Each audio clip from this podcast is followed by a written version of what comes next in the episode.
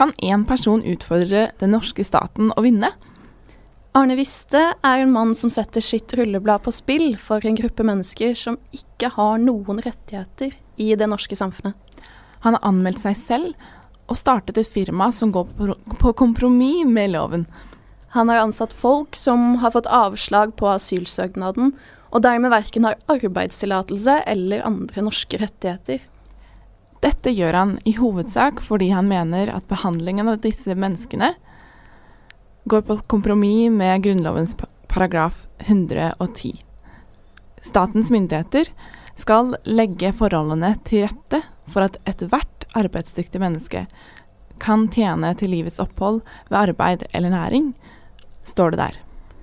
Menneskene Arne ønsker å hjelpe, blir ofte omtalt som de ureturnerbare eller de papirløse. Og det er sånn vi også kommer til å snakke om de, de i denne episoden. Velkommen til tredje episode av Fundert, og historien om en som gir mer enn de fleste for at andre skal få det bedre.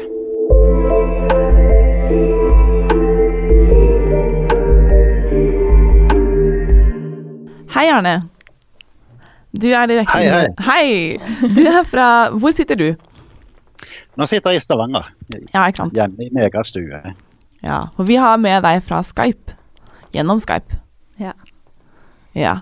Kan ikke du fortelle litt om eh, hvorfor du og hvordan du ble engasjert i de ureturnerbare sin situasjon? Og også litt hvordan du ser på de ureturnerbare, eller hva Forklare litt mer enn det vi klarte om hvem de ureturnerbare er. Ja, det skal jeg prøve på. Eh, for det første så har ikke jeg heller noe bakgrunn fra kontakt med de ureturnerbare.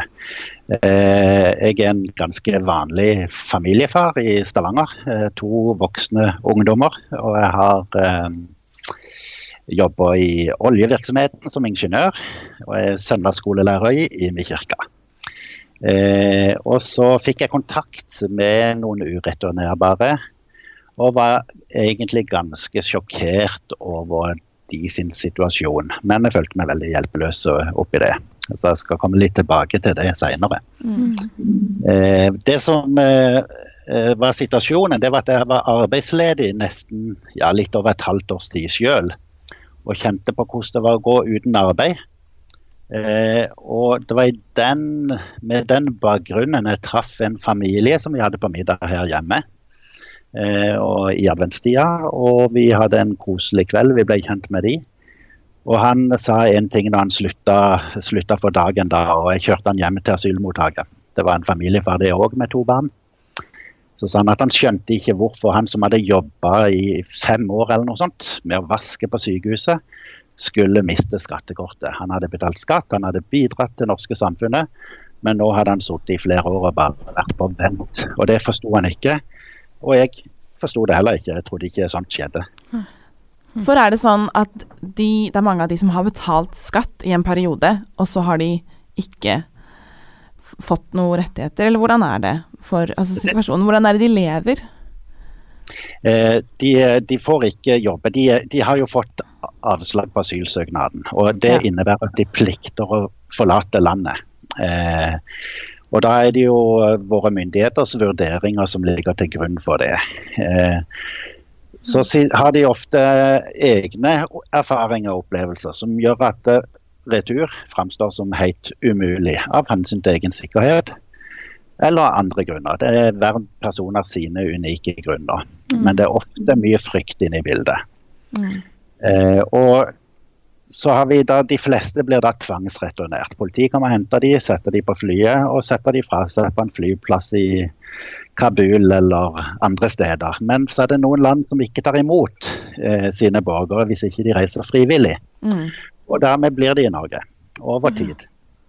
Så, så de ureturnerbare er rett og slett folk som har fått avslag på asylsøknaden sin, har blitt sendt tilbake til et land, og så blitt stoppet der og sendt tilbake til Norge igjen. Faktisk ikke. Hvis, eh, men eh, de fleste, har ikke, de fleste har ikke politiet prøvd å sende de tilbake. For de vet at de vil bli snudd, snudd i døra på flyplassen. Mm. Ok.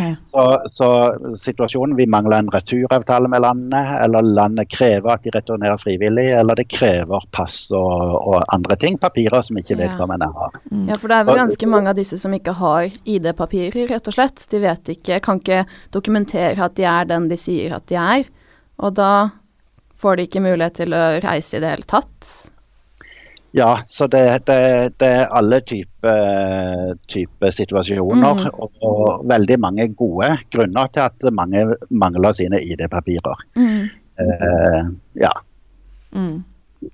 Men du har lagt deg inn i Altså, du har et spesifikt engasjement. Du har Det handler om et lovverk som ikke Som taler litt imot hverandre. Kan du ikke forklare litt om det? Jo, det vil jeg veldig gjerne. Ja. Når min, når min venn hadde fortalte meg at han hadde blitt fratatt skattekort og jobb- og arbeidstillatelse, eh, så tenkte jeg at det eh, eh, var liksom uten, uten mine hender, men er regelverket sånn, så er regelverket sånn. Mm. Eh, så var det egentlig en eh, tilfeldighet som gjorde at jeg snubla over det som er eh, Grunnlovens paragraf 110. Mm. Og der, Nå skal jeg lese ifra den. Mm. Eh, Der står det at statens myndigheter skal legge forholdene til rette for at ethvert arbeidsdyktig menneske kan tjene til livets opphold ved arbeid eller næring. Dette er, kom inn i Grunnloven i 1952 eller noe, en stund etter holocaust og erfaringene fra krigen. Der står det at ikke at denne loven gjelder for landets borgere eller eh, noe sånt. Det står ethvert arbeidsdyktig menneske. Ja. Eh, så jeg fatta såpass interesse at jeg leste litt forarbeidet og så at dette så litt eh, mistenkelig ut. Og sendte noen brev til forvaltninga, til Justisdepartementet og andre sivilombudsmann og spurte om sakens anledning. Mm. Og det var egentlig de svarene jeg fikk da som var så dårlige i forhold til, til forarbeidet, at jeg skjønte at dette var merkelig at ikke de prøver å svare bedre på disse spørsmålene. ja, for hva slags type svar var det du fikk da? Det var, For det første så var det at uh, de omskrev formuleringer. Så de omskrev arbeidsdyktige mennesker i sitt svar til landets borgere. Eh, og dette var Justisdepartementet. Og det andre var at de ikke svarte på de mest konkrete spørsmålene eh, fra forarbeidet. Eh, så, så svarene var runde og, og veldig unnvikende. Mm. Men jeg tenkte at etter en runde med, med brevveksling, så skjønte jeg at det kommer jo ingen vei med dette, og det er ingenting mer å gjøre med det. Så derfor la jeg egentlig saken på hylla i, i en god periode. Og dette var i Hvilket år var dette? Det er vel en fem-seks år siden nå, Fem-seks år siden. Ja. Mm. Så da la du det på hylla. Hvor lenge, Mm. hvor lenge klarte du å la være å gjøre noe med det? Ja, det var egentlig det som skjedde. Det var at uh, det skjedde en serie hendelser som gjorde at jeg fant ut at jeg kunne ikke tie om det. Og jeg ønska å utfordre denne praksisen da. Uh, så automatisk så tenkte jeg at rette måten å utfordre praksis på, det er å ansette noen. Ja. Sånn at vi, de blir, da blir de nødt til å ta meg til retten. Eh, men eh, ja, for da, når du da ansatte noen, så sa du imot den loven. For, hvilken lov var Ja. det? For vi har snakket om Grunnlovens paragraf 110, men så er det en lov til, var det, er det ikke sånn? Ja, så sier utlendingsloven at uh, de som vil komme til riket for å arbeide, de må ha arbeidstillatelse innvilget av politiet. Og disse menneskene får ikke det. Nei, de ureturnerbare får ikke det. De får ikke arbeidstillatelse. Nei. Så, så, så det som er en del av stridens kjerne her, det er jo om disse utlendingene som bor i Norge, eh, trenger arbeidstillatelse. Eh, det er ingen tvil i forhold til utlendingsloven at mennesker som bor i Etiopia, Eritrea, Iran, Irak, eh, og ønsker å komme hit for å jobbe, de trenger en arbeidstillatelse for det. Men når de da har søkt asyl og bor i Norge i mange, mange år, så er det juridisk tvilsomt om vi kan nekte de jobben. I praksis så bor de i Norge, noen har bodd i mer enn 20 år. Mm. Eh, Uten å jobbe, da. så har det vært perioder der de har fått lov å jobbe, men i dagens praksis at de nektes å arbeide. Ja. Okay. Og da er det ikke lov til å ansette de heller, er det ikke sånn det er? Jo, så loven både gjør det straffbart både for utlendingen og, og, jobber, og så gjør han det straffbart for arbeidsgiver å ansette dem. Ja. Men du har ansett de? Ja, jeg ansatte de. Først prøvde jeg å få en uh, rettslig avklaring ved å ta ut stevning, men domstolen uh, ville ikke behandle saken fordi jeg ikke hadde nok juridisk interesse. Jeg fikk jo lov å jobbe, og hvis den saken skulle opp i rettsvesenet, så måtte han reises av noen av de som ikke har evner eller økonomi til det. Oh. Ok. Så, så, jeg prøvde å reise en sak, men domstolen ville ikke ta i den. Og da endte jeg opp med å ansette den første. Og sendte brev til politiet og skattevesenet om at nå jobber, har vi søkt arbeidstillatelse, vi har søkt av skattekort, vi har fått avslag. Men vi jobber fordi at Grunnloven sier at alle har lov til å jobbe. Ja, ikke sant. Og hva skjedde da? Det, da var jeg jo nokså spent. Jeg mm. forventa en bot, sånn som de fleste andre arbeidsgivere hadde fått. Mm. Eh, I årrekke hadde det vært delt ut saftige bøter. Og jeg trengte denne bota for å kunne bringe den til, til rettsvesenet da. Ja. Men politiet de eh, fant ut at nei, dette var edle hensikter, ikke noe forsøk på å utnytte mennesker i nød. Eh, vi lar han gå, og så henla de saken etter en, en, lang periode. For det er det de baserer utlendingsloven på, at, at man ikke skal utsette, utnytte mennesker i nød? Er det på en måte Nei, nei. men det, vil nok være et tolkningsaspekt på straffen om, eh, om, du faktisk utnytter de og ikke gir de skikkelig lønn, eller om du, om du gjør det veldedige hen, eh, hensyn. da. Men uh, for å si det sånn, så var både universitetssykehuset hus, Universitetssykehuset i Stavanger de fikk store bøter. Kirkevergen i Stavanger fikk store bøter. Og ingen av de hadde utnyttelse som uh, for øye. De bare å gi dem jobb. Ja. Så, så, I prinsippet er det ingenting nytt med min sak annet enn en det som var tidligere. Men det som vel er nytt, er at de skjønner at det vil bli en avklaring i Høyesterett eller i EMD, altså menneskerettsdomstolen i Strasbourg. Ja. Eh, hvis de prøver å ta meg for det at jeg akter å anke den til topps. Og ja. det gjorde nok at politiet frykta utfallet av rettssaken såpass sterkt at de har valgt å la meg fortsette min virksomhet. Mm. Og på den måten da egentlig gå på akkord med det som står i loven, da? Ja, så jeg utfordrer loven. Jeg mm. ønsker jo ikke å ta meg til rette. Jeg ønsker at uh, Høyesterett skulle avgjøre dette. Ja. Det var bakgrunnen for at jeg prøvde å få domstolen til å avklare det. Men Høyesterett, uh, eller domstolen ville ikke ta det, Nei. så derfor uh, driver vi nå og arbeider. Og nå er det blitt en stor virksomhet, så nå har jeg et bemanningsselskap og det er mer enn 50 personer som har fått lønn. Mm. Og jeg betaler flere hundre tusen hver måned i lønnsutbetalinger til ureturnerbare. Mm. Og til sammen har jeg passert uh, flere millioner i lønnsutbetalinger så langt. Mm. Og politiet det passive fordi de frykter utfallet av en rettssak. Ja, ikke sant. Så du betaler lønn til ca. 50 personer som er ansatt i ulike foretak rundt om? Ja, jeg ønsker å hjelpe flest mulig. Og, mm. og, og, og så ønsker jeg også en rettslig avklaring. Eh, for, ved å bli større, så får jeg jo hjulpet flere, og så legger jeg mer press på myndighetene til å bringe saken over til domstolene. Mm. Så jeg ønsker å bli størst mulig. Men jeg hadde ikke penger eller arbeidsoppgaver til alle. Så det måten jeg har gjort det på, det er at jeg ansetter de i mitt selskap. Og så leier de ut som vikarer til ulike restauranter og noen er vaktmestere, noen vasker biler, og noen står i kafé, og noen driver renseri, og mm. mange ulike virksomheter. Mm. Men hvordan er det disse menneskene Altså, de står der uten noen juridiske rettigheter. De har ikke lov til på tilgang på helsehjelp, de har ikke tilgang på utdannelse. Eh, hvordan får de seg hus, leilighet? Altså, hva, hva slags situasjoner er det de lever i? Ja. Vi har en veldig mørk og stygg historie bak oss i Norge i behandling av disse. For uh, det var vel omkring år 2005, tror jeg, som uh, norske myndigheter satte denne gruppa mennesker på gata. De tok fra de mm. dagpenger som de kunne kjøpe mat for, og de jagde de ut av asylmottakene. Og det var mange hundre mennesker som ble satt på gata. Uh, det som det endte opp i, det var det vi som ofte benevnes som ordføreropprøret. Okay.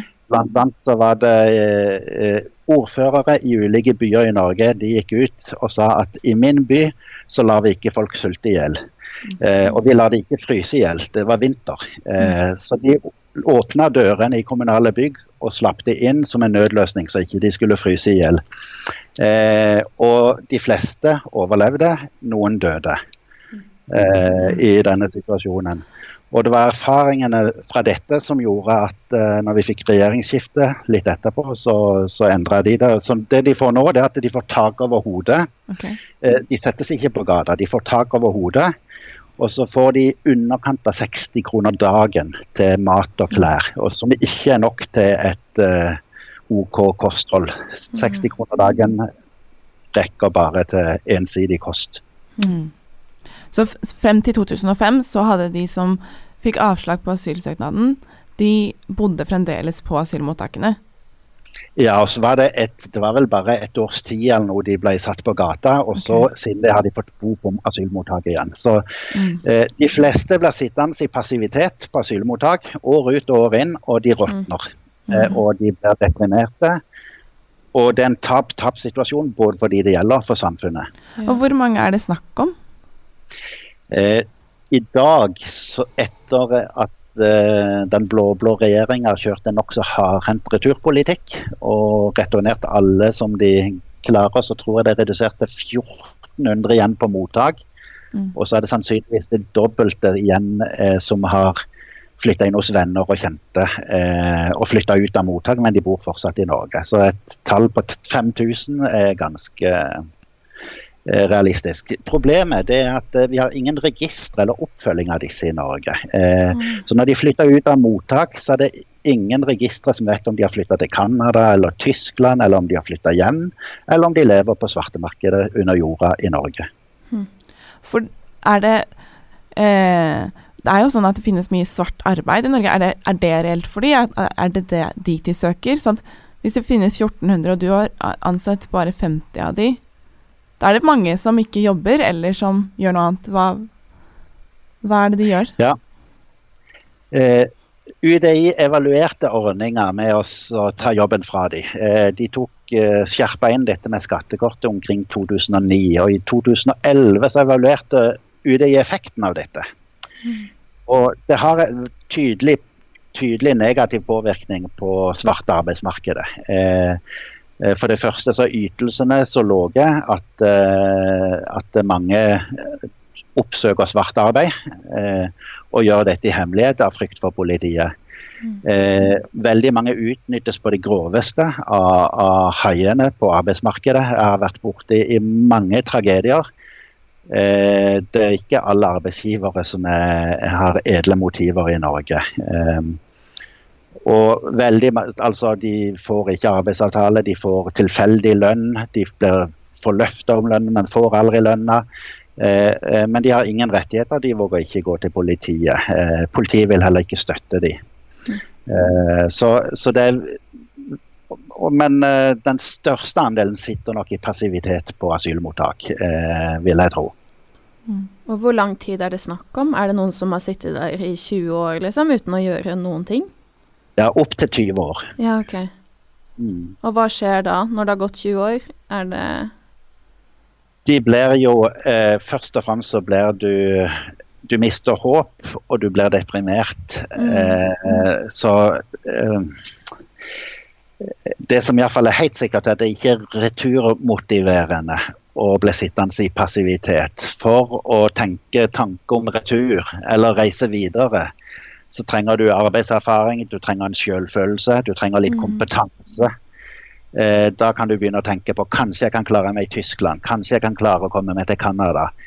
Eh, når du blir passivisert, eh, så mister du bare håpet og blir passivisert. Eh, mm. Så UDI sin evaluering bekrefter dette. At det å ta skattekortet fra dem, det hjelper de ikke til å reise hjem. Mm. Det snarere hindrer de i å reise hjem. Hvordan går du frem da for å ta kontakt med disse personene? Nå, I begynnelsen så var det litt venner og kjente, men nå er det de som tar kontakt med meg og, og spør om jeg kan hjelpe dem. Og da har de gjerne funnet en arbeidsgiver som er villig til å, å leie det inn som vikar fra mitt selskap. Så mm. ordner jeg formalitetene bare og begynner å betale lønn til de asylsøkerne, og så sender jeg faktura til oppdragsgiveren. Ja, Og så har jeg hørt at det er et eller annet kluss med skattemyndighetene og noe om 50% skatting. Kan du fortelle litt om det? Ja, det skal jeg prøve. Det er når vi ansatte Melat, den første ansatte, for tre år siden, så sendte jeg brev til skatteetaten og spurte hvordan håndterer vi skatt og avgifter for hun som ikke har eh, personnummer, ikke får skattekort. Mm. Og svaret det var kort og godt at det kan de ikke svare på. Eh, men det vil en rettssak. De sa at du vil bli stilt for retten, og det blir opp til domstolen å finne ut hvordan skatten skal håndteres. Så viser jo erfaringa nå tre år etterpå at ikke det blir noen rettssak som vurderer det. Og dermed har skatteetaten fått et problem. Men de har fortsatt ikke svart på de sentrale spørsmålene om hvordan jeg skal håndtere skatter og avgifter. Så det gjør det at jeg trekker Jeg eh, beregner arbeidsgiveravgift. Jeg trekker eh, de skatt når de tjener over minstebeløpet. Mm. Og Eh, jeg har også greid å sende pengene til skatteetaten. Eh, men jeg fikk ikke gjøre det elektronisk, det hindra systemet med. Så jeg sendte faktisk pengene som kontanter i en konvolutt. Eh, like greit. Men, men kemneren i Sola han tok imot de, og okay. blitt lovt at de skal få skatteoppgjør eh, nå, siden vi er så ivrige på å betale skatten. Ja, så det, det, på glid i skatteetaten. Og det skatteoppgjøret blir også betalt i kontant, da? Mest sannsynlig? Ja, som, eh, ja, det er en uh, viktig bit. for det at uh, Som papirløs i Norge eller ureturnerbar, så får du ikke anledning til å opprette bankkonto. Så, så uh, når jeg betaler lønn, så er det som regel til bankkontoen til venner. Eller samboer eller kone av disse. Men skatteetaten de må vel for så vidt betale ut lønna i kontanter. De har jo ikke ID-papirer heller, så de greier ikke å gjøre det i form av post eller bankløsninger. Så Det er nok det som gjør at eh, For vi har fortsatt ikke fått skatteoppgjør. Vi har fått skriftlig beskjed om at vi skal få det, men det har ennå ikke kommet. og de, jeg tror ikke kemneren har så veldig lyst til å komme på døra med, med kontanter. Så mm. det er jo dette er en av mange problemstillinger. Mm. Og Det sier jo litt om hvor sårbar denne gruppen mennesker er også, da. Det at de faktisk ikke kan ha sin egen personlige bankkonto. Det gjør at de er hele, i alle områder av livet sitt er de avhengig av andre mennesker, egentlig. For de har mm. ikke noe verdi eller identitet som er deres egen. Ja. ja, hvordan er det? Altså, har du noen historier som viser litt hvordan det er å leve i en sånn situasjon? Ja, eh, jeg har jo Jeg får jo ofte se solskinnshistoriene der eh, de kommer til meg fordi de har funnet seg jobb de har møtt en velvillig arbeidsgiver, noen som vil hjelpe. Mm. Eh, og kanskje det som rører meg mest, det er å se hvor mange norske ressurspersoner eh, som har egne bedrifter, som har, arbeids, eh, har, penger og arbeidsoppgaver, hvordan de strekker seg langt for å hjelpe. Eh, vi har eh, Eh, politiet truer med at det vil straffe seg det vil bli gitt bøter, men praksis viser at det velger ikke politiet å gjøre. De er på besøk, de kommer med noen advarsler, mm. og så blir det ingen oppfølging eh, imot eh, arbeidsgiveren. Så jeg har sikkert hatt eh, 15 ulike besøk av Arbeidstilsynet og politi på, på, mens mine folk har vært på jobb og det er trygt for arbeidsgiveren. Så det, det, vi trenger nå, det er jo flere arbeidsgivere som kan, kan ta, ta, mennesker i en ytterst sårbar situasjon og gi dem meningsfulle hverdager. Og det hadde vært veldig kjekt om, om du som hører på kan, kan, ta kontakt med meg og, og tilby arbeidssted til noen. Mm. Så hvordan gjør man det? man, eh, hvordan tar man kontakt med deg, Arne? Ja, Det letteste er en e-post eller telefon. Jeg har en nettside som heter dyktige.no. Grunnloven omtaler arbeidsdyktige mennesker, så jeg har en nettside som heter dyktige.no. Mm. og Der finner du informasjon om hvordan du kan uh, komme i gang med dette. Ja. Mm. Jeg lurer også litt på hvordan holdning de har. Er det sånn For jeg husker på den dokumentaren 'Det motvind' på NRK, så, så hadde de veldig sånn fint bilde av Det var en som egentlig hadde lyst til å dra tilbake til hjemlandet sitt, eh, men ikke fikk mulighet til det. En som ble sendt tilbake til et annet land enn hjemlandet, men ble sendt, tvangsutsendt. Og en som fikk ny oppholdstillatelse. Han søkte asyl på nytt eh, på grunnlag av nye, ny informasjon. Hva slags Altså, hva tenker de fleste Er det en sånn generell tanke om at her ønsker vi å bli i Norge, eller er det mer sånn vi vil egentlig ikke være her, men vet ikke helt hvor vi skal dra? det hver, Hvert menneske som jeg er i kontakt med, er veldig unikt og har sine grunner og sine historier. Og det er vanskelig å finne noe veldig fellestrekk for deres livshistorie og for deres eh, tanker.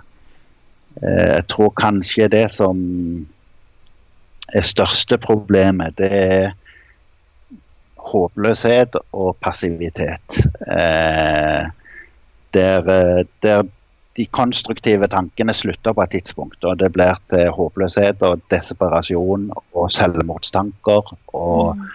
Og ytterste form for nød. Men vi har noen uh, fightere og survivere som, som som ordner seg og får til livet på en måte likevel. Eh, og det er jo ofte de jeg kommer i kontakt med, som er bare en liten prosentandel. da. Mm. Mm. Mm. Jeg tenker jo at menneskeverd egentlig er veldig sentralt i den, dette her. At de mister jo sin eh, verdi som mennesker ved å ikke ha noe de Ja, de har ikke noe å gjøre i samfunnet vårt, liksom. De, de har ikke noe verdi i verken handling eller identitet. Mm. Og da er man jo kjempesårbar. Ja. Og når man sitter i den situasjonen i mange år, hvordan påvirker det psyken? Som du sier, Arne, så må det jo være mange som er deprimerte og slike ting. Og har man noe oppfølging i asylmottak spesielt? Sånn psykisk oppfølging av disse? Vet du noe om det? Nei, de får jo ikke krav på helsehjelp eller psykolog eller fastlege eller medisiner eller noe. Så eh, det er vel kanskje det som er, eh, best illustrerer den håpløse situasjonen. Det er mangelen på helsehjelp. Eh, nå er det en del, iallfall i Bergen og i Oslo, så er det oppretta frivillig helsesenter av helsepersonell som prøver å hjelpe på egne midler. Eh, med å få tak i medisiner til de som har smerter, og, og gi en diagnose. Og også når de blir livstruende og akutt, så har de rett på helsehjelp. Okay. Så når det blir ille nok, så får de plass. Så da sitter det der frivillig helsepersonell og hjelper de til å få tilgang på den akutte, liv, livs, livreddende hjelpen når det er ille nok. Eh, men eh, jeg, har, jeg, fikk en e-post her nå i, for ikke lenge siden, og det var en som hadde fått akutte magesmerter. Mm. Han hadde blitt avvist på legevakta. Mm. Eh, Vennene hadde fått han på buss til Sverige, hvor de hadde oppdaga at det var blindtarmsbetennelse. Og dermed så var det svenske leger som redda livet hans. Og han mm. hadde en veldig eh, sår eh, avslutning på e-posten til meg der han lurte på om ikke hans eget liv var mer verd enn dette. Mm. Ja. For er det sånn at regelverket er annerledes i Sverige, da? Siden han fikk hjelp der? Ja, regelverket er annerledes. De får eh, helsehjelp, og de får også anledning til å jobbe. Eh, så de kan eh, skaffe seg et liv. Vet du noe om Fordi eh, jeg tenker at mange er redd for at dersom vi sier ja, dere får rettigheter, dere får lov til å arbeide, dere får helsehjelp, så kommer det enda flere inn uten ID-papirer. Er det en reell fare? Ser man det i Sverige? Eh, ja, det er en, for så vidt en reell fare. Eh, det som ikke er en reell fare, det er at det kommer store strømmer eh, av den grunn. Mm. UDI evaluerte dette i sin rapport i 2011, som jeg nevnte tidligere, hvor hjalp det å ta skattekortet fra dem. Og for å si det sånn, så er det jo to ting eh, som er myndighetenes problem. Det ene er det vi kaller push-effekten. Hvor greier vi å dytte de hjem der de kom ifra. Vi ønsker å dytte de. Mm. altså, og Da er ofte ordet returmotiverende viktig. Og Det å gi de jobb anses ikke for å være returmotiverende. Mm. Eh, men det er push-effekten. Så har vi det som heter pull-effekten. Hvor attraktivt framstår Norge som destinasjon for mennesker på flukt. Mm. Det er 50 millioner mennesker på flukt i verden. Og, og Norge er opptatt av at ikke vi skal reklamere for oss sjøl som et sånt land som kan hjelpe. Mm. Eh, politikken er at vi skal hjelpe de der de er, som selvsagt er, er veldig viktig. Eh, eh, men når UDI da evaluerer om dette har synbare effekter på, på pull-effekten, så er konklusjonen i rapporten eh, at eh, det sannsynligvis ikke har det, iallfall ikke på kort sikt. Men det, de har ikke nok data til å kunne si noe konsekvent om, om det langsiktige. Men det vi vet, det er at uh, historisk sett så har vi jo hatt både perioder der vi har latt de få lov å jobbe, og perioder der de ikke får lov å jobbe. Mm. Og det er ingen, ingen eh, korrelasjoner med asylsøkertallene på, på dette som, eh, som viser seg i praksis. Vi begynner å gå mot eh, avslutning, ser jeg. Mm. Eh, men jeg vil gjerne høre Ser du da en løsning At det kan være faktisk en løsning å gi folk mulighet til å arbeide i Norge? Eller er du, tenker du bare sånn Altså, hva, hva er målet ditt? Jeg, det, det kan være en politisk løsning å la de jobbe, eh, men den egentlig politiske løsninga den heter amnesti, og er noe som de fleste vestlige landene benytter seg av eh, med ujevne mellomrom. Og Et amnesti det er ikke en lovfesta regel om at du etter fire år får innvilga opphold. For det ville motivere folk til å bli lenger enn de burde. Mm. Men det er ved ujevne mellomrom og uvarsla å si at nå har vi bestemt oss for å innføre et nådens år og gi amnesti til de som er her ulovlig. Det har Norge aldri gjort, men det har de veldig veldig mange vestlige land har gjort. Mm. Eh, og det, tida nå er absolutt inne for å gi et amnesti, for nå har det sittet folk i opptil 20 år på vent. Og det er ikke forenlig med vårt menneskesyn å leve med dette uten å gjøre noe med det. Mm, nei. Så da vil de få, hvis de får amnesti, så får de rettigheter, da får de helsehjelp. Eh, Og mulighet til å arbeide. Da får de helsehjelp, og de får flyktningestatus. De får, Ja. Eh, rettigheter tilsvarende nordmenn.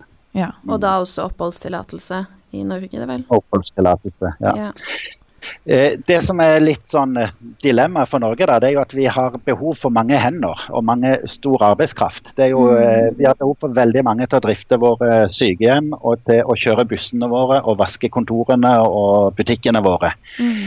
Eh, For å få til det, så i tiårsperioden 2006 til 2015 så henta vi inn 450 000 utlendinger. Eh. Østeuropeere, polakker kalles de gjerne. til å hjelpe oss eh, med alle oppgavene som vi har i Norge. Eh, det vi snakker om her, det er en liten marginal gruppe på 5000 mennesker eh, som tynes til det ytterste. Mm. Eh, og eneste årsaken til det, det er det som kalles signalpolitikk. Eh, som ikke er så veldig realorientert. Så det, politisk sett bør det absolutt være mulig å gjøre noe med saken. Signalpolitikk, kan du forklare det litt mer, hva det betyr?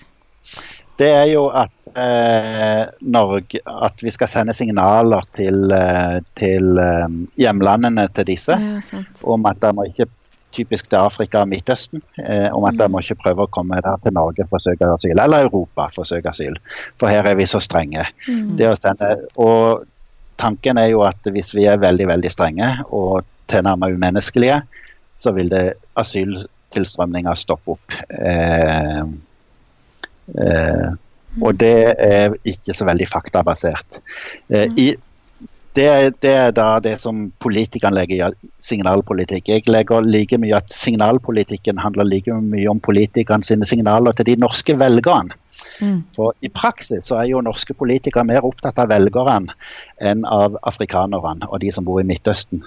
Så i praksis så handler det nok mest om at de skal vise til norske velgere at de er blant de strengeste i klassen. Eh, og at signalet er retta mot norske velgere. Ja. Eh, så, men begge de to aspektene ligger i signalpolitikk-ordet. ja. Men forstår vi deg rett da, eh, i at du gjerne ønsker å Eller den beste mulige løsningen er at noen spesialtilfeller kan få amnesti, men at i prosessen fram mot eventuelt amnesti, så er det en menneskerett, eller det sikre menneskeverdet til disse menneskene å få lov til å jobbe? Ja, og jeg tenker at uh, juridisk sett så er kanskje retten til arbeid eh, kan være brekkstanger som kan utløse amnesti. Det er mitt mm. håp og min bønn. Ja. Eh, eh så, men uh, uansett så handler retten til arbeid er et, en sak som er god nok i seg selv også, uten amnesti. Ja. ja. Ser du at det, det arbeidet du gjør, har det en påvirkningskraft? Ja, det er jo, påvirkningskraften ligger jo at jeg ikke sender brev og skriver kronikker og leseinnlegg. Påvirkningskraften ligger i at jeg faktisk ansetter og, og, og, og gjør noe helt konkret eh, fysisk. Og, kraften i det har vært mye mye større enn en skulle tro. Så det gjør jo både at jeg får en stemme i samfunnsdebatten, og jeg blir invitert til sånne, sånne programmer som dette. Og mm. eh, ikke minst så begynner myndighetene å ta disse spørsmålene på alvor. Mm. mm. Og det er jo det vi trenger, egentlig. Kanskje til og med lovendring som gjør den paragraf 110 enda mer konkret. Ja. Eller utlendingsloven, da. 108. Ja. Mm. Ja. Kjempespennende å ha deg her, Arne, og vi gleder oss til fortsettelsen. Uh, og se hvor, hvor, dette her vil ende. For det er tydelig at noe må skje, men hva, hva skal skje? Ja. Det er, det er, ingen vestlige land som kan leve godt med å ha en sånn situasjon over tid. Eh, så noe må skje. Mm. Ja. Tusen takk skal du ha for at du, du, er her med oss. Eller du er jo i Stavanger, på Skype. Men takk for samtalen. Og vi mm. håper å, håper å se deg og se de ureturnerbare mer fremover. Ja. Takk i like måte. Takk mm. for at jeg fikk lov å komme. Det var en interessant samtale. Ja. Og hvis du som lytter vil finne ut mer om Arne Vistes engasjement, så heter firmaet til Arne Plog AS, og nettsiden deres dyktige.no. Og du finner også flere artikler på NRK og Aftenposten og andre store mediehus. Ja, så takk for at du hørte på denne episoden. Husk å abonnere på Fundert, her hvor du hører på denne episoden. Vi er også på sosiale medier, men da under Tankesmien Skaperkraft.